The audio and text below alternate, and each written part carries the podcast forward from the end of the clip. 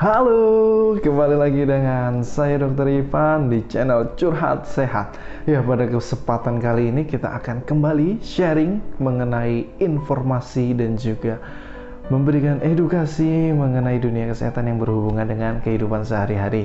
Ya, jadi kemarin kita mendapatkan pertanyaan ya mengenai bayi ya. Jadi pertanyaan itu sebenarnya itu menanyakan, "Dokter, apakah penggunaan bedong ini uh, bermanfaat dan apakah kalau yang enggak menggunakan bedong itu menyebabkan kaki anak nanti bengkok saat dewasa ya Terus habis itu juga ada yang menanyakan tentang penggunaan gurita pada anak. Apakah penggunaan gurita pada anak ini harus ya?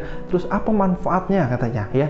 Sama juga ada beberapa yang menanyakan mengenai penggunaan bedak ya karena uh, dia sudah mendapatkan informasi dari dokternya sebenarnya bahwa penggunaan bedak ini tidak dianjurkan tetapi masih ragu jadi mempertanyakan ke curhat sehat. Jadi pada kesempatan kali ini kita akan membahas mengenai tiga hal tersebut ya. Jadi uh, pada dasarnya memang kondisi ilmu kesehatan ini selalu berkembang dan hal tersebut didapatkan dari berbagai jenis ya. Baik itu dari penelitian baik itu dari expert atau mungkin dokter ahli yaitu untuk membahas ke uh, beberapa hal-hal yang mungkin akan berbeda dengan apa yang ada di masyarakat ya.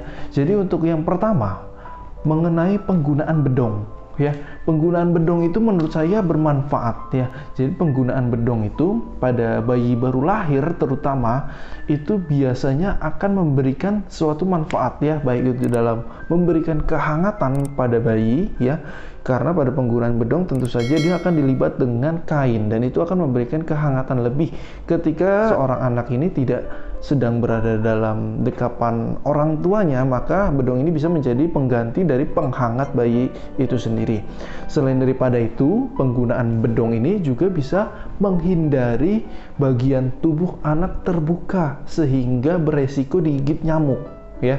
Jadi penggunaan bedong ini ada manfaat yang kedua yaitu untuk memastikan bagian tubuh seperti kaki, tangan atau badan itu uh, tertutup sehingga mengecilkan kemungkinan digigit atau mungkin terkena dari serangga termasuk nyamuk ya.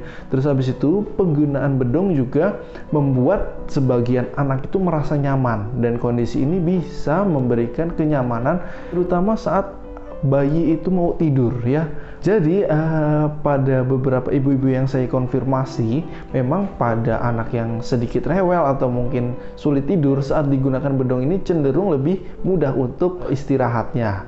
Jadi uh, sedangkan untuk yang keempat ya, penggunaan bedong ini apakah berhubungan dengan kondisi kelurusan kaki saat dewasa nanti? Sebenarnya yang saya ketahui dan dari informasi medis yang saya dapatkan hal tersebut tidak benar ya. Jadi bukan berarti anak-anak yang tidak dibedong atau mungkin anak-anak yang nggak betah di bedong itu ke depannya kakinya pasti bengkok, bengkok X ataupun bengkok uh, O ya.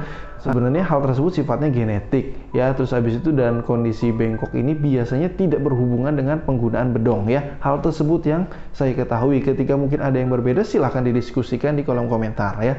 Terus habis itu kita ngebahas yang kedua yaitu penggunaan gurita. Ya, jadi penggunaan gurita, uh, saya pernah bertanya pada salah satu dokter anak dan juga uh, coba saya cari di beberapa artikel medis bahwa memang penggunaan gurita yang ada di tubuh bayi itu sebenarnya saat ini sudah tidak menjadi sebuah saran lagi ya. Dikatakan dilarang itu mungkin belum atau mungkin sebagian ada yang memperbolehkan tetapi yang saya ketahui itu tidak disarankan lagi ya. Karena apa? Karena ada beberapa kondisi penggunaan gurita ini pada ibu-ibu yang baru dan kondisi penggunaan gurita ini menyebabkan anak ini menjadi sulit bernafas. Karena apa? Karena mengikatnya terlalu kuat atau mungkin juga karena kondisi lain yang menyebabkan uh, rongga perut dan rongga dada ini memiliki ikatan yang lebih kencang. Dan kondisi tersebut yang menyebabkan uh, dokter yang saya tanya dan beberapa artikel yang saya dapatkan bahwa penggunaan gurita ini uh, kurang disarankan lagi saat ini ya. Dan mungkin kalau misalnya manfaatnya tentu tetap ada ya, mungkin memberikan kehangatan, tetapi tidak menyebabkan atau tidak membuat perut membesar ya. Jadi penggunaan gurita yang mungkin banyak dipahami oleh masyarakat berupa mitos bahwa penggunaan gurita ini untuk kemudian perut bayi tidak gemuk atau tidak gendut atau tidak buncit ya. Itu sebenarnya hal yang salah ya. Jadi penggunaan gurita mungkin uh, bisa memberikan kehangatan tetapi uh, hal tersebut tidak disarankan kembali Oke, yang ketiga kita bahas mengenai penggunaan bedak pada anak-anak ya. Pada anak-anak mungkin juga ada yang menggunakan bedak pada bayi ya. Sebenarnya kalau yang saya ketahui penggunaan bedak tanpa indikasi ya, tanpa indikasi itu tanpa keperluan medis pada tubuh atau mungkin pada wajah anak itu sendiri saat ini sudah tidak disarankan lagi. Karena apa? Karena ditakutkan atau mungkin dikhawatirkan penggunaan bedak tabur atau mungkin bedak powder ya yang sifatnya powder ya itu bahayakan dari sisi pemakaian jangka panjang. Karena apa? Ada kemungkinan dari bagian bedak yang ditempelkan di bagian kepala itu atau mungkin bagian wajah leher itu bisa terhirup melalui hidung dan bisa mengendap di dalam paru-paru. Dan kemudian hal tersebut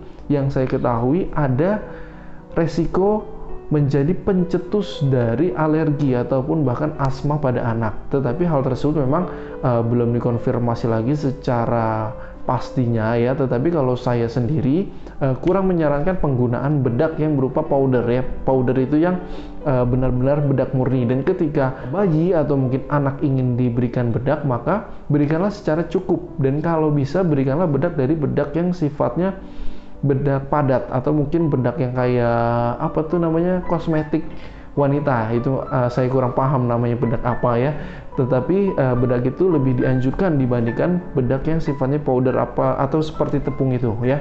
Itulah beberapa pertanyaan dari sahabat sehat yang kita dapatkan baik itu dari kolom komentar Instagram maupun juga dari email yang kita cantumkan di bio uh, curhat sehat. Dan apabila mungkin ada perbedaan dari informasi yang saya sampaikan dengan yang uh, Bapak Ibu atau mungkin sobat sehat punya silahkan didiskusikan di kolom komentar. Mungkin itu yang bisa saya berikan. Wassalamualaikum warahmatullahi wabarakatuh